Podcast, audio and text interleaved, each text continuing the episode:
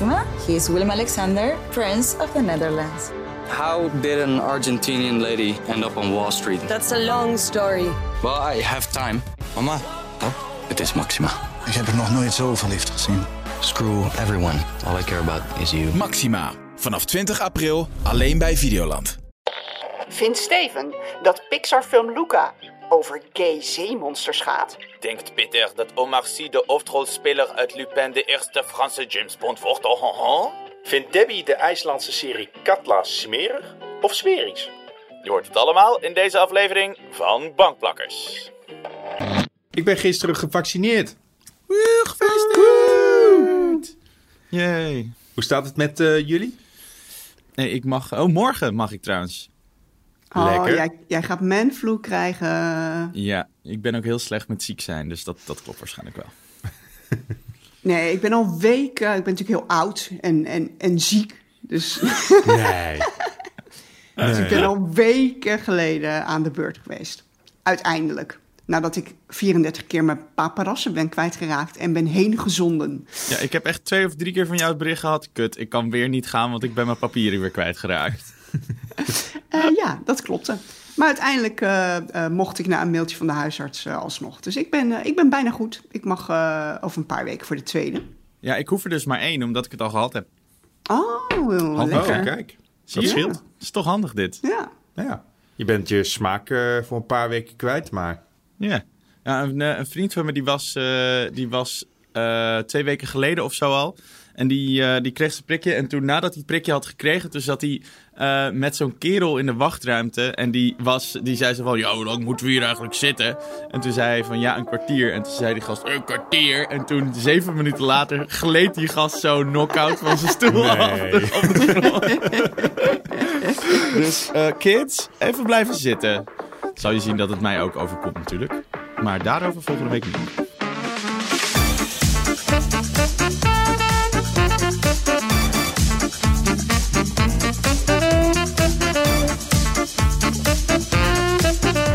Ja, hallo en welkom bij Bankplakkers, de podcast over alles wat er te zien is vanaf jouw bank op alle streamingdiensten.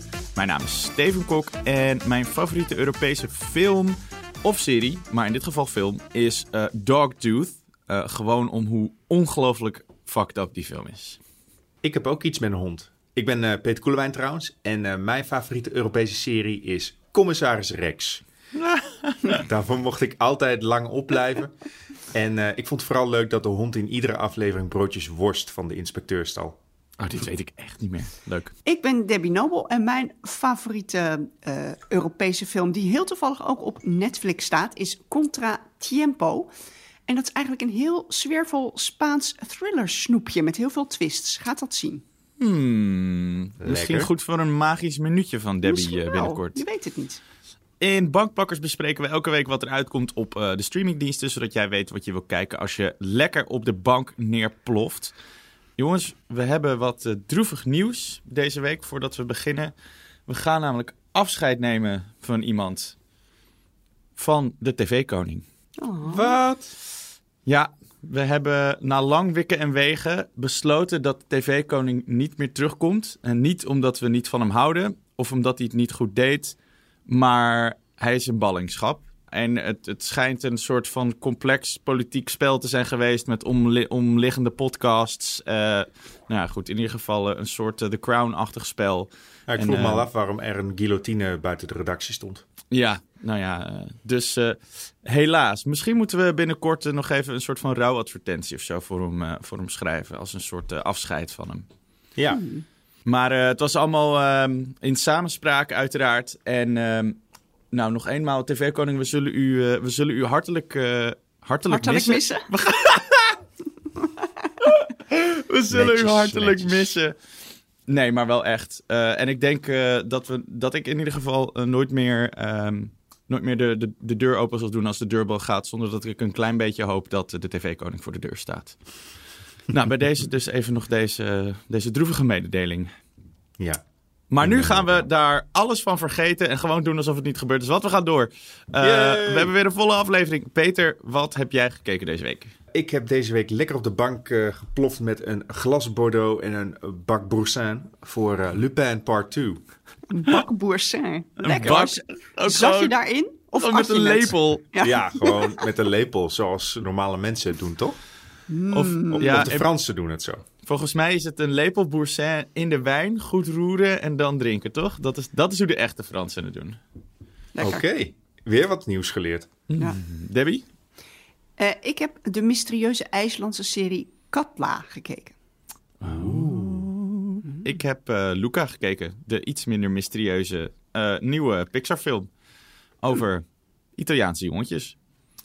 En daarnaast gaat de geluidskluis natuurlijk weer open. En in de bankzaak gaan we het deze week hebben over series. En dan specifiek series die je wel oké vindt, maar niet fantastisch. En wat moet je daar dan mee? Kijk je door? Stop je? We hebben natuurlijk ook even weer aan onze luisteraars gevraagd. Uh, dus aan het einde van de aflevering gaan we het daar nog even over hebben. Maar als allereerste is natuurlijk de vraag: Debbie, wat is het nieuws? Het nieuws. Nou, het nieuws is dat uh, Steven Spiel Spielberg een deal met de duivel heeft gemaakt. Mm. Of nou ja, met, uh, met Netflix. Warner Bros? Ja. Disney? Netflix. Bill, Netflix. Bill Gates? Het Oh, die gaat om, uh, het gaat om het duidelijk. uh, productiebedrijf van Steven Spielberg, Emblem Partners. Die gaat meerdere films per jaar maken voor Netflix. Netflix wil de kwaliteit van zijn original films verbeteren. Dat lijkt mij uh, geen kwaad kunnen. Nee. En, uh, en Spielberg noemt het een geweldige kans om samen nieuwe verhalen te vertellen en het publiek op nieuwe manieren te bereiken. Nou, dat is nogal opvallend. Origineel. Want uh, twee jaar geleden was hij extreem kritisch op streamingdiensten. Want de bioscoopervaring zou echt alles zijn. En die streamers vond hij eigenlijk maar een beetje rommelen in de marge. Uh, inmiddels ontkent hij natuurlijk glashard dat uh, gezegd te hebben. En gaat hij vol in dit nieuwe avontuur. Ongelooflijk. Ja, want er was toch, er, inderdaad twee jaar geleden of zo, was het niet alleen hij, maar nog een paar regisseurs, toch? Die Ja. hadden gezegd van, Ja. yo, uh, we moeten echt stoppen hiermee, want dit, dit is niks. En uh, Ja. dit komt de filmervaring niet ten goede, maar hij is lekker, uh, hij, heeft een, hij heeft een zak geld aangeboden Hij gekregen. heeft even een 180 gemaakt. Ja, hoor. Precies. Ja, Ja. en, en Classy. daar, het is ook niet de eerste keer, want hij heeft hiervoor dus ook al eh, series gemaakt voor Apple TV Plus en eh, voor Quibi.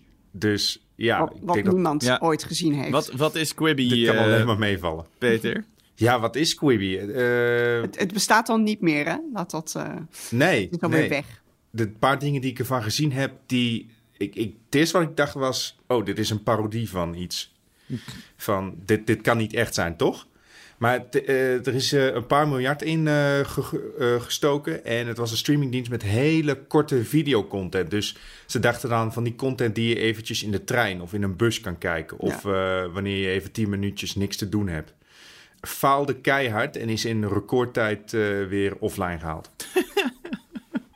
Lekker Nou. een paar miljard verbrand. Precies, hopen dat, eh, hopen dat Steve het hier beter doet dan. Ja, maar dit is natuurlijk, voor ons is dit wel goed nieuws, toch? Ja. Ja. Al, maar al moet ik zeggen, ik ben niet, zeg maar... Ik heb wel het idee dat de hoogtijdagen van Steven Spielberg wel een beetje voorbij zijn. Want- Nou, maar zijn, Ja. deze productiemaatschappij heeft ook eh, The Green Book gewoon gemaakt. ja, Dat is toch een niet onaardig filmpje? Nee, nee, die, Nee. die was leuk. Ja. Spiel- Spielberg heeft wel echt enorm veel invloed en, eh, en, en eh, macht in Hollywood. En hij, hij produceert eh, niet zelf meer heel erg goede films, vind ik persoonlijk. Maar hij is nog wel eh, betrokken bij heel veel interessante projecten. Ja, ik weet nog dat ik Ready Player One van hem keek. En dat ik dacht van, oh ja, ja, zeg maar, dit werkte eind jaren 80 en early 90s werkte dit, maar dit werkt nu niet meer. Oh, Ja. ik vond dit dus een hele leuke film. Maar ja, zelf werkte ik ook het best eind jaren negentig. Ik heb, wel, ik heb wel het boek gelezen trouwens van Ready Player One. En als je een beetje een geek bent, dan is het echt een page-turner. Het is echt, Ja. het gaat gewoon van referentie naar referentie. En het is, nou, het is één groot feest. Dus ik misschien vond ik hem daarom minder leuk. Ik geef ook wel eerlijk toe dat de eh, dingen die niet uit de computer zijn gekomen... dus de scènes met echte acteurs van vlees en bloed... vond ik nog best wel leuk in, eh, in de film. Die was, dat was echt van die Spielberg-magie. Ja. Nou, oké. Ik ben heel benieuwd eh, wat eruit gaat komen. Maar in ieder geval, we hadden het eh, een paar afleveringen geleden natuurlijk ook over dat we, dat we allemaal eigenlijk wel vinden dat die kwaliteit wel een beetje rap omhoog moet, omdat mensen gewoon anders af gaan haken. Dus, eh, nou ja, dat voelen ze zelf kennelijk ook wel aan. Was dat het, Debbie? Dat was hem. Top. Eh, voordat, we naar, eh, voordat we naar onze reviews gaan. Peter, jij wil geloof ik een herkansing doen voor een magisch minuutje, hè? ja, die ging eh, vorige week niet zo heel erg goed. Dat was ook dan- de eerste, hè? Ja, maar ik, ik, ik heb hem teruggeluisterd en ik had zelf ook geen zin meer om Bojack Horseman te kijken daarna. Dus Maar eh, ik heb een nieuwe. ja, het heeft je niet uit het veld laten slaan. Daar ben ik, Nee. ik- nou, ik ben trots op je. Wat, eh, wat, wordt, het, eh, wat wordt het deze keer? Clarkson's Farm op Amazon Prime Video. Oké, ben je klaar om weer de klok des terreurs in scherm te zien? Nee, maar zet hem toch maar in het scherm. Oké, drie. eh, wacht, ik doe een timer en die loopt af. Dat lijkt me beter. Drie, twee, één, go! Oké, Clarkson's Farm is een serie die gaat over het boerenleven in Engeland. Met eh, de journalist Jeremy Clarkson, die een eh, boerderij heeft gekocht van zijn Amazon Prime geld. Jeremy Clarkson moet je een beetje zien als de Johan Derksen van Engeland. Eens in de zoveel tijd maakt hij een verschrikkelijke rotopmerking, soms zelfs racistisch. Maar hij maakt ook goede tv, dus eh, hier is een nieuwe show, hoera! Ik, eh, ik, ik geef eerlijk toe, ik vind hem zelf ook een lompe boer. Maar ik kan wel genieten van zijn programma's. En deze keer is hij heel erg on brand. Want hij wordt dus een boer in eh, Clarkson's Farm. En hij heeft een eh, gigantische boerderij gekocht. Waar hij onder andere gewassen gaat verbouwen. Schapen gaat houden. En zelfs honingbronwater en wasabi-planten gaat verkopen. Het loopt allemaal compleet uit de hand. Hij drinkt onder andere water waar later poepbacteriën in blijken te zitten. Hij gaat een bijkorf in zijn auto stoppen waarmee hij rond gaat rijden. En eh, hij krijgt meerdere keren een eh, schapenpoot tegen zijn kloot aan. Gaat kijken. Vooral, vooral die laatste was, dat was denk ik wel eh, voor mij. Ik heb wel zin om eh, Jeremy Clarkson in zijn klote geschopt te zien worden. Ja. Jij bent fan, hè, Steven, van Jeremy Clarkson? Nee, niet zo. Je Nee. vindt hem net zo leuk als Maxime Hartman en Johan Derksen, volgens mij. Dat zijn echt mijn. Zij, dat is mijn, dat is mijn trifecta, mijn heilige drie-eenheid.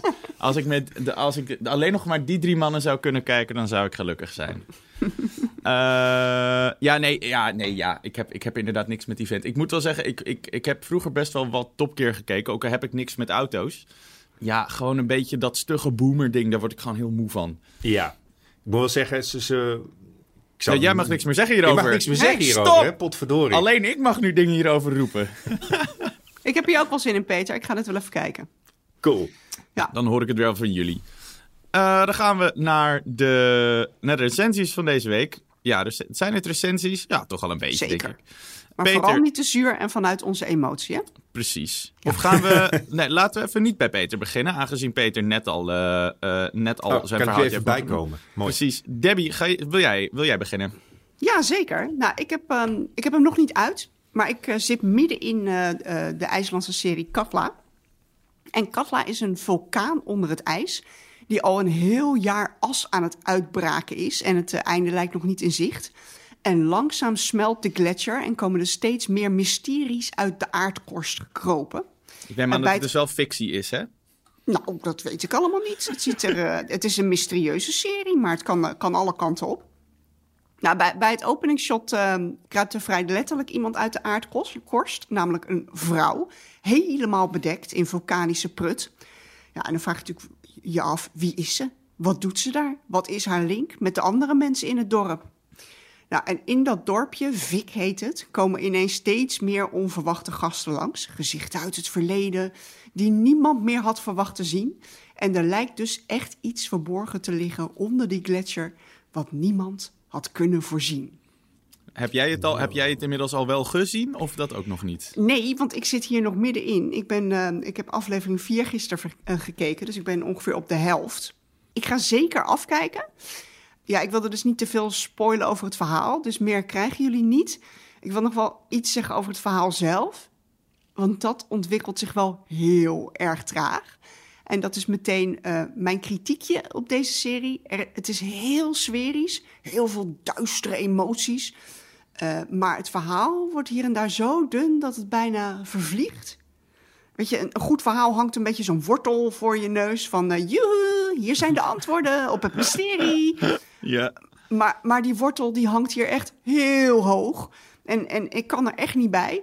En het verhaal geeft net iets te weinig puzzelstukjes weg tijdens de eh, ontwikkeling Oh, van ja. de aflevering. Dus, Ja. Maar ik blijf wel hangen, want het is een ontzettende slow burner. Maar ik, ik wil toch gewoon, ik wil die wortel. Ja, Ik moet die wortel hebben. Maar ik, de- maar ik denk dat dit ook wel bij, misschien ook wel bij IJsland past. Want IJsland is natuurlijk ook heel erg een land waar mysteries en zo heel erg deel zijn van de cultuur. Dus waar Ja. misschien iets minder sterk de behoefte is om hè, wat hier aan klopt wel en niet. Om, omdat die behoefte misschien om dat op te, te- op te lossen iets kleiner wordt of zo. Hè? Nou ja, ik Zie Ja. wel, eh, misschien zie je klets wel ik een uit mijn nek. maar- mooie, zie je wel een hoop mooie beelden van IJsland? Nou, heel veel as vooral, Peter. Want die, Oh. die, die vulkaan die pruttelt dus de hele tijd. Dus alles is donker en, en, en eh, het is vies en goor en koud. En Ja. nee, dit Zo is, herinner niet, ik me IJsland ook wel. Ja, jij bent Ja. recent geweest.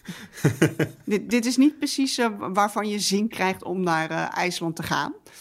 Eh, maar ja, ik, ik denk wel dat het een, een, een goede serie is. Ik, ik heb er natuurlijk wel ook over zitten lezen. Maar, en het schijnt dat het ook niet wordt opgelost in de laatste aflevering. Oh, Daar zie ik dan wel een beetje tegenop. nou of het wordt een beetje zoals Twin Peaks. Weet je? Dat, dat Ja. het mysterie, Ja. of zoals Lost, dat het mysterie... Ja, precies. Maar ko- komt er een seizoen 2? Dat, dat, dat, weet, dat weet ik ook niet.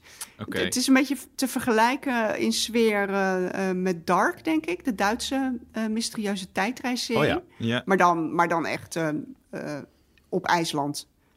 met veel as en goor. Maar wel krijg- sferisch. Ik krijg ook wel een beetje het gevoel wat ik krijg bij The Leftovers. Daarvan heb ik volgens mij anderhalf seizoen gekeken. En dat is ook zo'n mysterie wat ook eigenlijk niet opgelost wordt. Klopt ook wel wat jij zei, Peter. Want het is natuurlijk ook van dezelfde makers als Lost, maar dan, maar dan iets beter.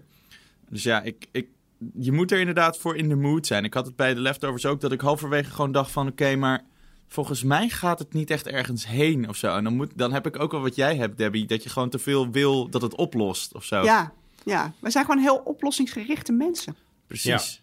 Is, is, het, is hij wel beter dan de andere IJslandse Netflix-hit, de eh, Fire Saga? Ik hou heel erg van Fire Saga. Ja. Dus, nou, dat, dat, dat, dat weet ik nog niet. Maar de, eh, eh, de karakters zijn ook wel goed hoor. Want die worden wel langzaam ingekleurd tijdens de, tijdens de afleveringen. En de meeste zijn echt wel behoorlijk eh, intrigerend of gewoon gekkies. Eh, dus dat, dat helpt ook wel. Dus ik, ik, ga, ik ga moedig voorwaarts. En tot nu toe zou ik zeggen een zeventje. Oké. Alright. We horen, we horen het verslag nogal van je, denk ik. Za- ga ik wel even door. Eh, ik heb Luca gekeken, de nieuwe eh, Pixar-animatiefilm. Eh gaat over een jong zeemonster dat zijn dagen spendeert als een herder van een groep hersenloze vissen, die er trouwens hilarisch uitzien. Het zijn echt een soort, ze hebben echt van die gigantische uitpuilende ogen die alle kanten opkijken. nou goed, die zijn echt heel grappig. En hij is bang voor alles wat de wereld boven het, boven het wateroppervlak te bieden heeft. Dat krijgt hij ook heel erg door zijn familie ingepraat. Maar dan ontmoet hij een vriendje onder water, ook een zeemonster. En die is een stuk stoerder dan hij. En eh, die blijkt boven water een hut te hebben in een ingestorte toren. En eh, dan laat Luca zich op sleeptouw nemen door hen. En rent hij met hem eigenlijk weg van huis naar de bovenwereld. En dan komt hij erachter dat op het moment dat zij boven water komen, dat ze er dan gewoon uitzien als mensen. Daarna gaan deze twee jongens samen het nabijgelegen dorp in, een Italiaans eh, dorpje, om daar mee te doen aan een race. Want ze willen namelijk geld sparen om een Vespa te kunnen kopen. Tuurlijk. Uiteraard. Want het is Italië. Eh, en met die Vespa willen ze dan samen de wereld rond gaan reizen. Het is echt een heel hartverwarmend verhaaltje over soort van kinderlijke verwondering. En over vriendschap. En over eh, jezelf kunnen zijn. Ondanks het feit dat dat misschien niet zo geaccepteerd wordt door je omgeving. En dat andere mensen misschien zelfs. Of dat andere mensen misschien je zelfs nooit zullen accepteren. En dat je daar een soort van vrede mee moet vinden. En nou, de setting is heel mooi. Het dorpje is heel mooi uitgewerkt. Het is super gezellig. Het is ook een film die zich eigenlijk maar op twee plekken afspeelt. Dat is een beetje onder water bij het huis van, eh, van die ouders en in dat dorpje. Je hebt eigenlijk alleen maar die twee locaties. Dus het is ook heel klein. Die hele film speelt zich denk ik op nou, drie vierkante meter af. Of drie vierkante kilometer. Of drie vierkante meter. op eh, drie vierkante eh, kilometer af. Dus daardoor is het heel nou ja, overzichtelijk ook. En het is een heel knusse film.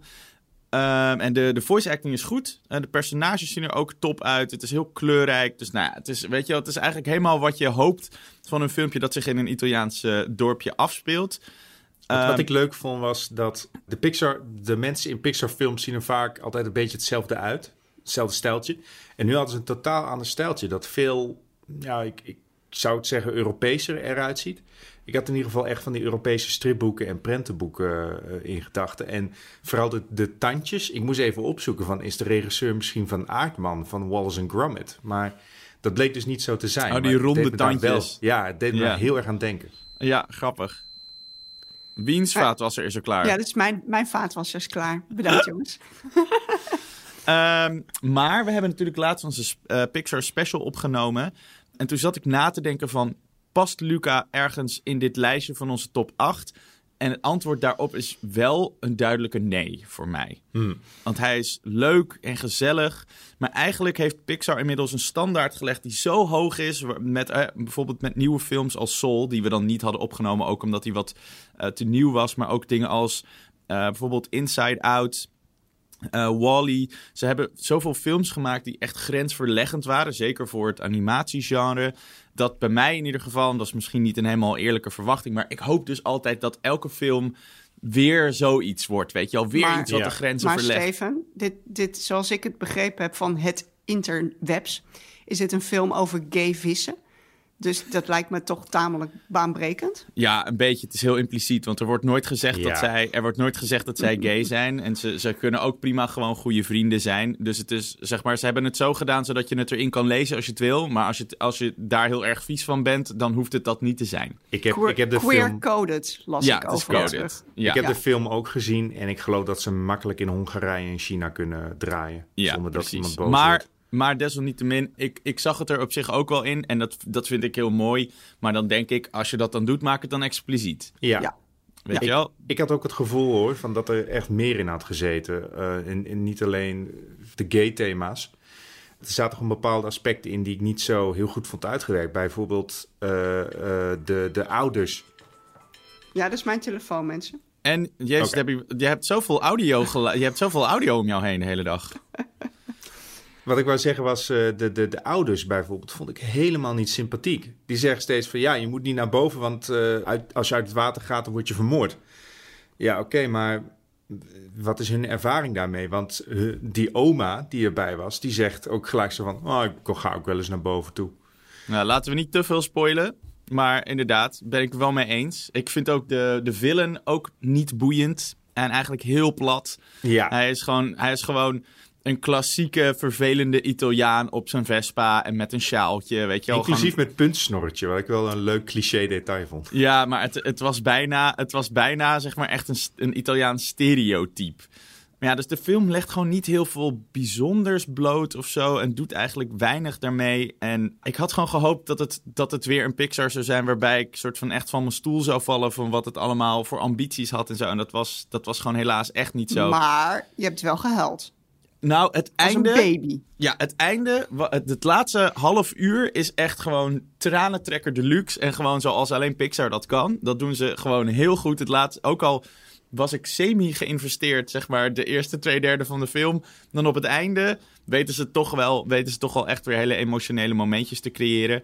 Er is niet echt iets mis met Luca per se. Het is meer dat het, er had gewoon veel meer in kunnen zitten. En dat vind ik, dat is gewoon een beetje gemiste kans, denk ik, voor mij.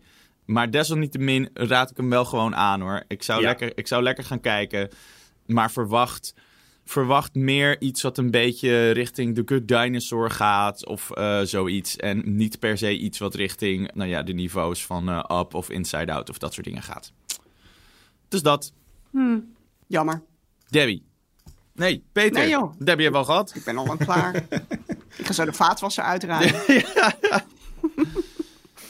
Eh, we gaan weer even terug naar Netflix, want ik heb eh, de verrassing van 2021 eh, gekeken. Het tweede seizoen wel te verstaan. Lupin Part 2. Er zijn vijf nieuwe afleveringen en het gaat weer over de meesterdief Hassan Diop, gespeeld door Omar Sy. Het eerste seizoen eindigde met een hele spannende cliffhanger een paar maanden geleden. En Part 2 die wikkelt dat netjes in een strikje, die lost het allemaal netjes op. Wat, wat ik het, het leukste vond aan Lupin Part 2 is dat beide kampen, dat die eh, nu echt heel erg hard tegen elkaar gaan eh, knokken. De eerste was nog een beetje opzet over hoe hij eh, de kwaadaardige Monsieur Pellegrini wil, het betaald wil zetten. Dat die man zijn, zijn vader heeft bedrogen. Nu gaan ze echt achter elkaars families aan. Verder is het eh, gewoon een eh, prima Franse heist-serie, inclusief ongeloofwaardige meesterplannen en eh, een einde dat tijdens een groot evenement plaatsvindt waar een heleboel geld gestolen kan worden. Dus, maar da- daar is aan zich niks mis mee als de uitwerking goed is. En dat is gelukkig wel zo bij Lupin. Het is gewoon, ik, ik snap het volkomen waarom iedereen wegloopt met deze Franse serie, want het is uitstekend geschoten en geacteerd. Met name Omar Sy, die is weer een Ja. echte showsteler. Maar hij, hoe fijn is hij om naar te kijken? Zonder hem was deze serie natuurlijk gewoon een nou, heel, heel matig dingetje geweest. Ja, Ik wil echt zoveel meer hoofdrollen voor deze man. We, we hadden in eh, eh, de papieren Veronica Superguide hadden we een interview met hem. En daarin vertelde hij dat het hem eh, geen enkel probleem leek om James Bond te spelen. Dan, ja, dan ben ik de eerste Bond met een Frans accent. waarom niet? Ja, nou, daarvoor zie ik toch nog wel een probleempje. Zo'n Frans accent in zo'n Engels karakter. Maar goed. Noem hem why? Why is the problem? Come on. Maar zo'n Sherlock-achtige reeks of zo. Ik, ja, ik wil wel meer van deze man. Dat lijkt me echt heerlijk. Maar dat Ja. moet wel goed komen hierna, toch? Ik bedoel, Ja, Lupin dat is een eh, knalsucces. Ja, Ja, hij heeft echt een soort van natuurlijk charisma. Het deed me ook heel erg denken aan eh, films als Ocean's Eleven, weet je. Die, die zijn ook puur op charisma, worden die voortgestuwd. En dat lukt eh, Lupin ook heel erg ja. goed. Wat Hoe- George hoe- Clooney ooit had en nu totaal verdwenen is. Dat, Hoe is... Wacht, weet jij dat? Ik vind hem nog steeds heel charismatisch. ja, maar hij doet niet meer zoveel, toch? Het is een tijd geleden dat ik iets nieuws van hem heb gezien. Maar hoeveel charisma heb je als je gewoon niks hoeft te doen en nog steeds charismatisch kan zijn? En Ja. alleen met een kopje koffie gewoon de show weet te stelen. What else, Debbie? What, What else? else? Exact. Ik heb een Maar- espresso-apparaat vanwege hem. Maar hoe, eh, hoe succesvol is Lupin bijvoorbeeld in de VS? Weten we dat? Of in de UK of zo? Doet Ja, hij daar ook. iets? Ja? Ja, ook er zijn wel verschillende bespiegelingen geschreven over eh, dat, dat dus een eh, taal niet meer belangrijk is voor het succes van series. En daar wordt Lupin ook vaak, eh vaak in Ja, aangehaald. Ik denk dat Ja. dat wel echt gelul is, want Amerikanen die zijn echt heel stug. Die, vinden, die zijn natuurlijk ook geen ondertitels gewend. Dus die, Nee, maar die kijken dit gewoon natuurlijk in het Engels, want dat kan Ja. natuurlijk gewoon. ja, bij, de, gewoon bij de. Oscars zijn er laatst ook, weet je, buitenlandse regisseurs die roepen ook gewoon van, weet je, zolang je over die barrière heen gaat, daar kun je zoveel meer leuke films eh, eh, zien. Ja, ja. Dus ja, hopelijk eh, nog meer. Oh ja, ehm, ik zal niet te veel spoilen, maar Lupin Part 3 is wel al bevestigd. Dus eh, daar kunnen we naar uitkijken. Maar een nieuw verhaal is dat dus. Ja, dit is, eh, hier wordt wel heel erg definitief een einde aangebreid. Oké, Een paar losse eindjes misschien nog. nou, maar dat vind ik fijn. Peter. Ik hou niet van losse eindjes. Maar als in, en we gaan dus steeds naar zeg maar één seizoen, één heist. Of één heistverhaal, aangeknoopte dingen, ding. En dan weer naar een nieuwe. Want dat doet, dat doet Sherlock natuurlijk ook een beetje. Ja, ja. Ja, hier Ja. is niet zozeer een, eh, een, een, een bepaald voorwerp dat gestolen moet worden, maar het is meer echt een, een strijd tussen personen, tussen persoonlijkheden. En, en eh, ja, een van de thema's is ook van Lupin dat het eh, Frankrijk op een realistische manier wil tonen.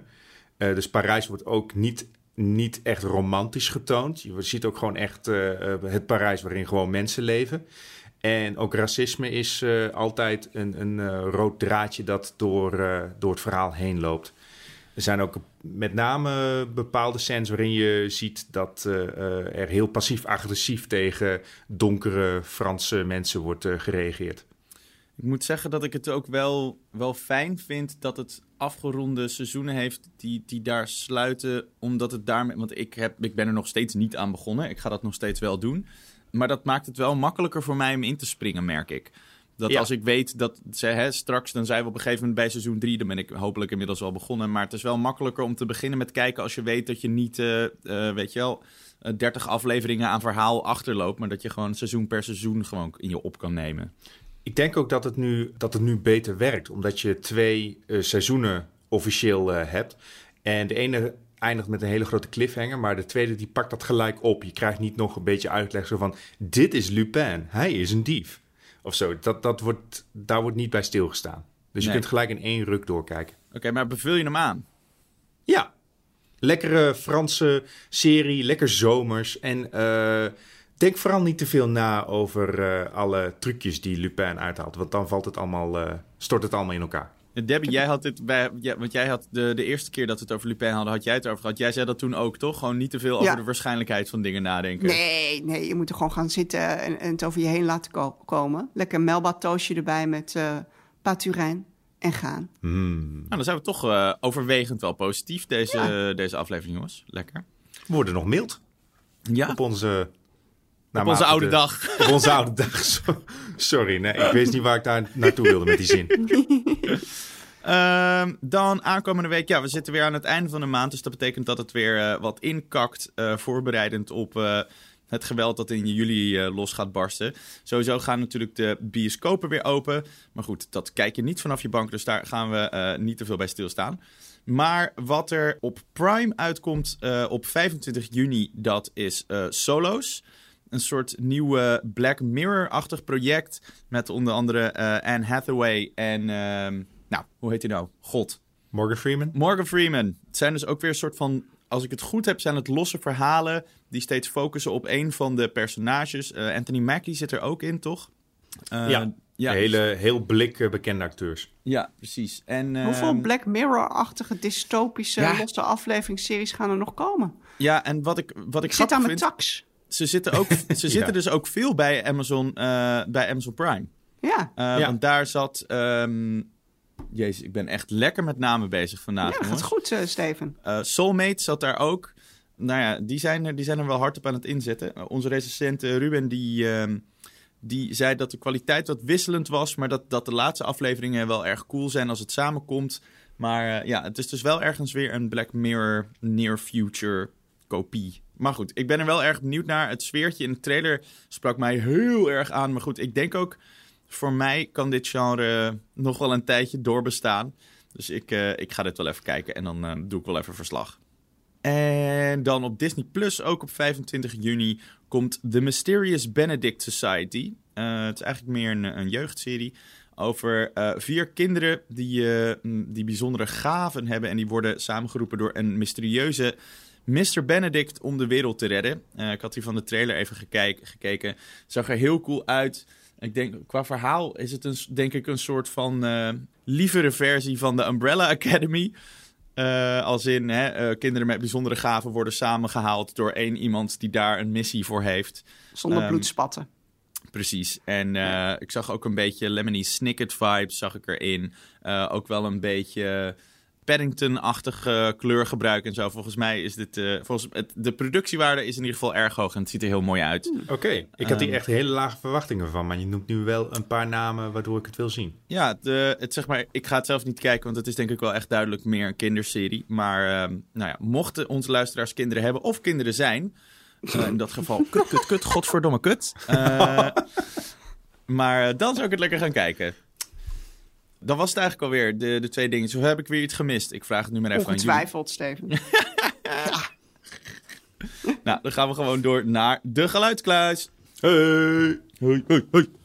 Holland. Gaan jullie voetbal kijken? Zondag? Voetbal. Kijken jullie voetbal? Wat- Kijken wat jullie voetbal? Ik, kijk- wat, wat is er dan eh, precies aan de hand daarmee? 11 tegen 11, de bal is rond. Daarom hadden we Europese films en series aan het begin. Maar, Oh. maar, maar dit terzijde. Oké, vanwege de Olympische Spelen. Ja, precies. En, en, de, Tour, en de Tour de France. Juist, ja, de Tour Ja. de France, dat ken Maar ik wel. kijk, kijken jullie voetbal of niet? Ja, ik kijk wel mee. Ja, een beetje eh, met, met één oog dicht. Ja. Zo van, zo, ik, hoor- ik, hoor, eh, ik hoor de buren juichen en denk ik, ah, goed voor hun. En voor ons, I guess. Nee, ja, ik, ik, ben, ik, kijk, ik kijk eigenlijk nooit voetbal, maar met het EK en WK dan kijk ik wel. Maar zondag heb ik voor het eerst een viewing party, dus daar heb ik Oh, wel. Oh ja, ja, nou ja, niet bij, mij, niet bij mij thuis, gewoon bij iemand anders. Heb je nu wordt het wel spannend, hè? met heb je een juichcape? Nee, maar ik ga waarschijnlijk wel. Ik ga waarschijnlijk gewoon iets heel groots met smink op me tekenen. En ik, ja. Ik zie, met je, met je baard zou je wel iets van een leeuw of zo kunnen Ja, doen. die is al Ja. natuurlijk knaloranje. Dus ik ben eigenlijk eh, veel, veel nationalistischer dan dat het uit me komt groeien, kan ik ook bijna niet worden. Nee. Oké. Oké, Ba- ik, heb, eh, ik heb de kluis weer naar binnen gerold. We gaan Ja. hem openen. Oké.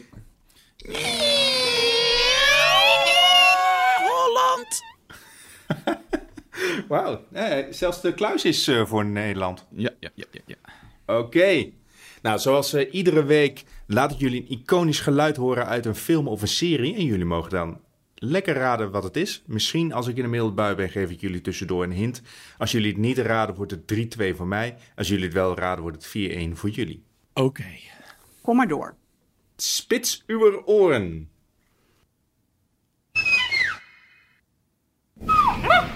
Wacht, nog een keer. Ja.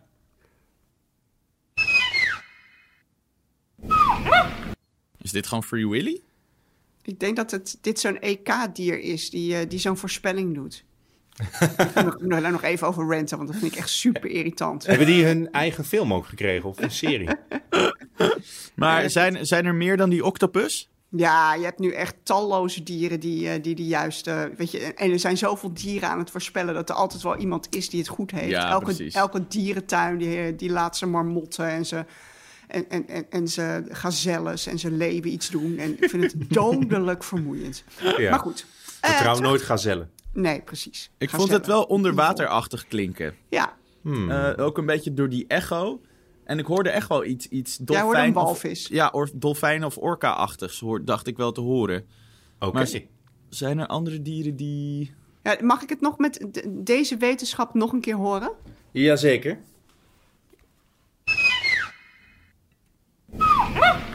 Ja, dit is duidelijk een gay zeedier weer.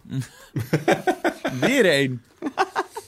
ja, ik zit hier nu helemaal in vast in mijn ja, hoofd. ik ga met je mee hoor, Steven. Dit Ja, een- ik gewoon goed. een onder- ja. een onderwaterdier? En heel veel meer orca-films ken ik niet. Zal ik jullie een eh, hint geven? Ja, dan zitten we er helemaal naast, let maar op. Oké. De hint is schattig, maar dodelijk.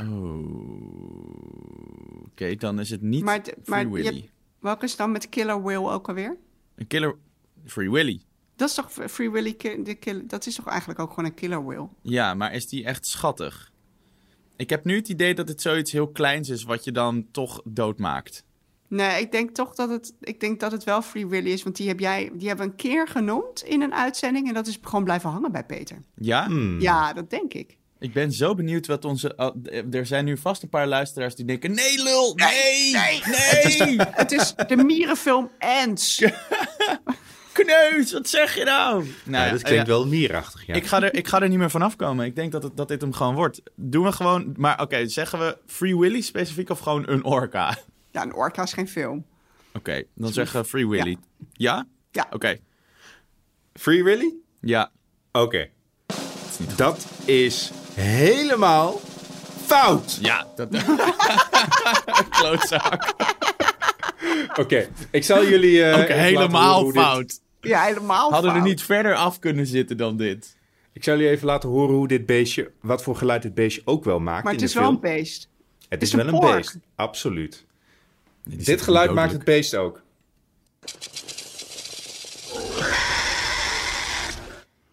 Dit, ma- dit klinkt als een ratelslang. Een dinosaurus? Ja, dit is de Dilophosaurus uit Jurassic Park. Zijn dat die kleintjes? Nee, dat is degene met die kam die eh, gif spuit op eh, de arme Dennis Nedry. Degene ja. die de DNA van de dino's steelt en wordt vermoord. Right. Ja. Eh, in Ja, het begin ja, is het een heel schattig dinootje die allerlei van die schattige geluidjes maakt. En op een gegeven moment dan gooit hij zijn kam uit en begint hij te gillen en eh, hoor je ook een ratelslang. Ja, kut. Ja. Moeilijk, hè? Ja, wel een goeie. Ik zal- weten, we weten trouwens helemaal niet hoe dino's klinken. Hè? We, we schijnen daar helemaal naast eh, te zitten. Ja. Ja, ze hebben dit ook echt eh, uit, een, eh, uit een duim gezogen. Maar Ja. het is wel interessant van welke dieren ze gebruikt hebben om deze geluiden na te bootsen. Want eh, het schattige geluidje dat je hoorde in het begin, dat is dus een zwaan. Wat? Ja, dat, dat is blijkbaar het geluid dat een zwaan maakt. Niet Nee, als je dichterbij nee, komt, dan te blazen. Een orka. Ja. Dat heeft die zwaan fout. ja. Waarom maakt die zwaan orka geluiden? Ik vind dat heel raar. Nou, volgende week misschien Free Willy. Dan kijken van, oh, dat is een Dilophosaurus. maar als hij eh, dreigend gaat eh, worden, of gevaarlijk gaat worden... dan hebben ze dus een ratelslang gebruikt en het geluid van een havik. Gecombineerd. Ah, cool. Ja, dit doen ze wel vaker hè? met, eh, met monstergeluiden en zo. Dat ze gewoon een paar dieren tegen elkaar aangooien. En dan eh, kijken, wat, kijken wat eruit komt. Toevallig zo'n feitje ook wat ik weet over Star Wars. Over dat een van die lasergeluiden van, van, de, van de schepen die gewoon die, die lasers afvuren. Is dat het dus het geluid is van iemand die met een metalen stok tegen een heel groot ijzeren hek aantikt. En dat geeft zo'n zo'n soort geluid. En dat is dus het geluid uiteindelijk van de meest, of een van de meest iconische lasergeluiden geworden. Zit je nou Peters werk een beetje te doen, eh, Steven? Ja, Wil deze, jij- wil, deze wilde Ja. hij voor volgende week doen. dus ik... eh, Niet, niet naar mij kijken, ik ben gewoon hem even aan het verwijderen voor volgende week. Nou, Wel wat heel vind je fout. dan? 3-2 it is. 3-2. Oeh. Kakzooi. 3-2. nou ja, volgende, de volgende hebben we, denk ik. Maar Peter heeft alles in de hand. Dus we, zeg maar, voor hetzelfde geld heeft, Ja. heeft Peter al lang voor zichzelf uitgestippeld dat hij met, dat hij met 10-3 gaat winnen. En dan kunnen we gewoon niks tegen doen. Allerlei obscure geluiden gekozen en zo. Oké, eh, dat was hem, hè? Yep. De geluidskluis. Oké. Dan eh, gaan we naar de bankzaak. En de bankzaak, eh, Debbie, volgens mij kwam die van jou, hè, deze keer. Nou, we hadden een vraag gehad over eh, de Handmaid's Tale. Of Oh ja. ik, wat ik van seizoen 4 eh, vond. Nou, dat was nogal bijzonder, want ik, eh, ik ben niet door seizoen 1 eh, gekomen. Wat ik echt nog steeds spijtig vind, want toen de serie werd aangekondigd en die hype een beetje begon, dacht ik echt dat ik het enorm leuk zou vinden, deze serie. Of- Deze, deze vraag kwam eh, van Bjorn. Ja, docent helemaal BVU op Instagram.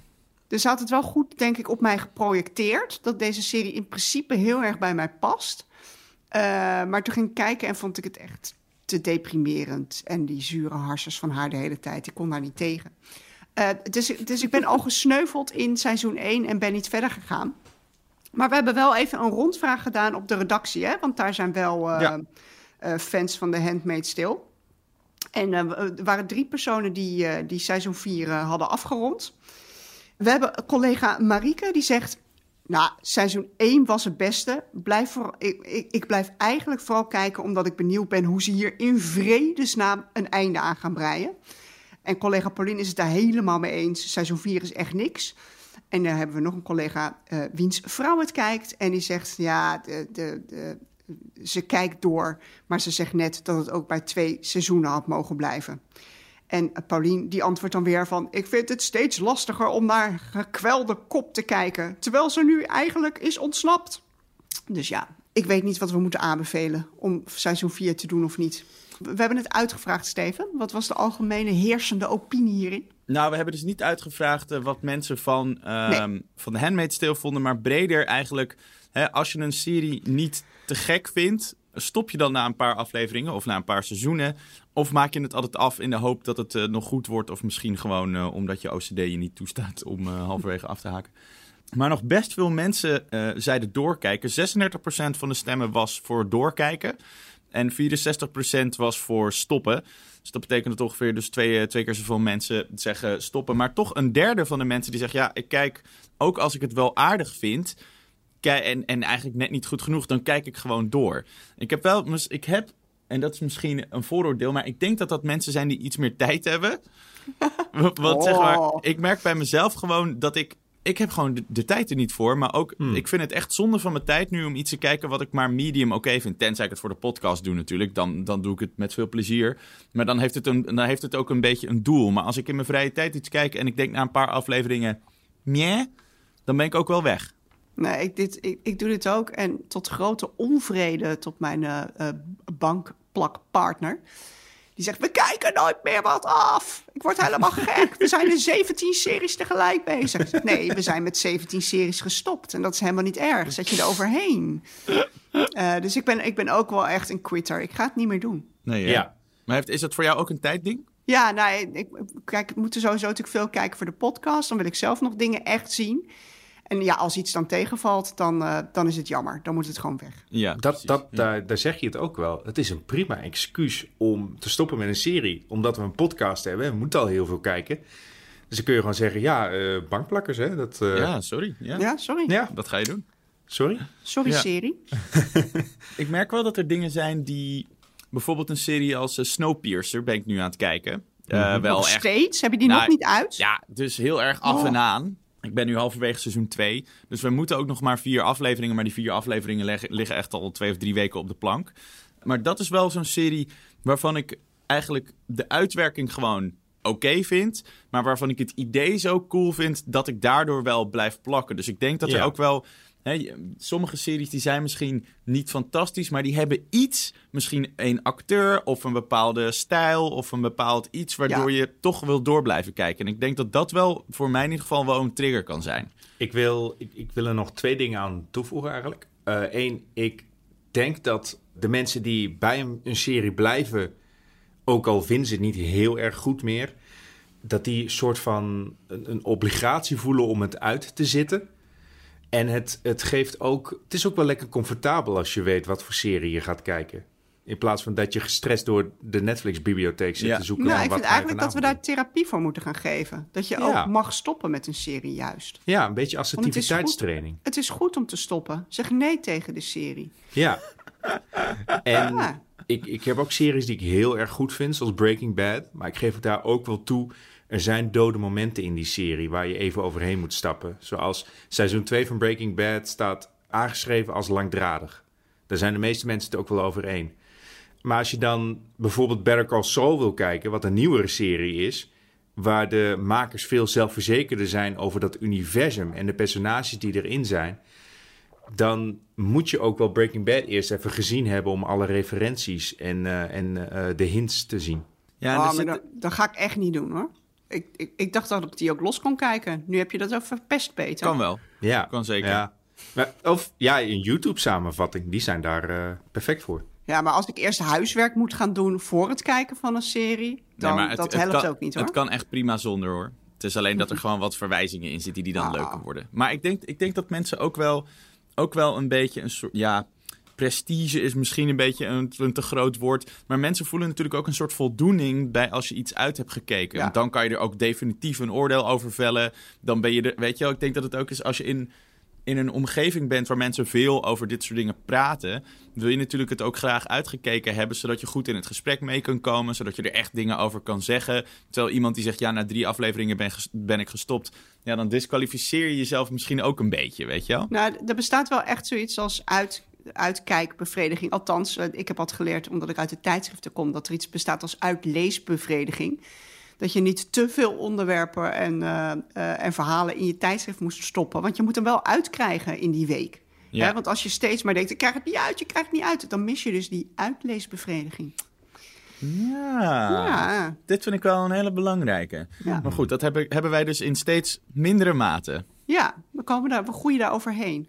Is er ook iets zoals halverwege bevrediging? Dat je denkt, ja, ik ben lekker gestopt. Mm, Ja, mm. goed van mij. Goed, heb ik heel goed gedaan. Ehm, nou, dat. Dan zijn we door de, door de aflevering heen, jongens.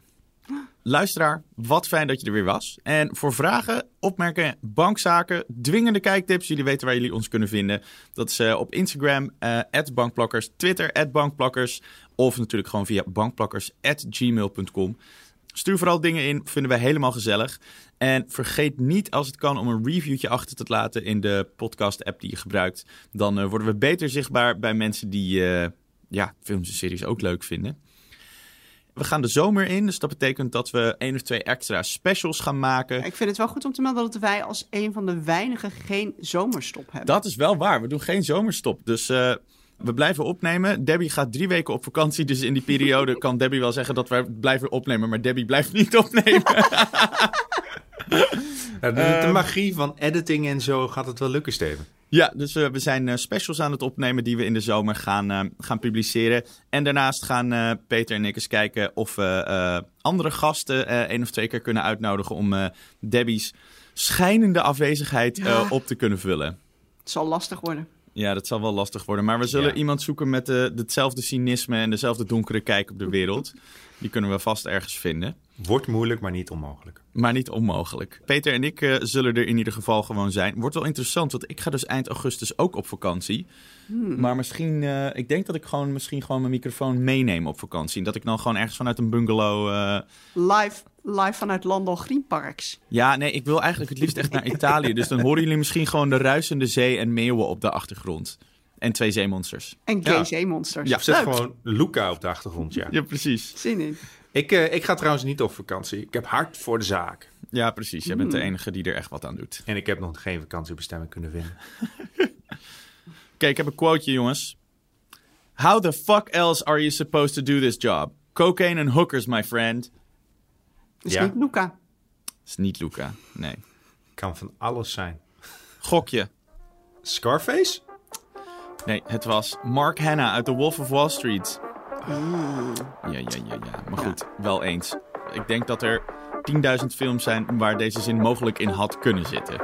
Ja. Oké, dat was het weer voor deze aflevering. Hartstikke bedankt voor het luisteren en tot de volgende. Doei doei. Doei!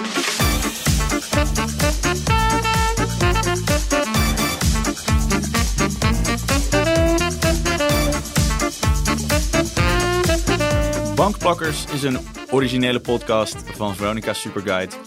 Mijn naam is Steven Kok en mijn gasten zijn elke week Debbie Nobel en Peter Koelewijn. En onze editing wordt gedaan door Art Kok. Bedankt voor het luisteren en tot de volgende!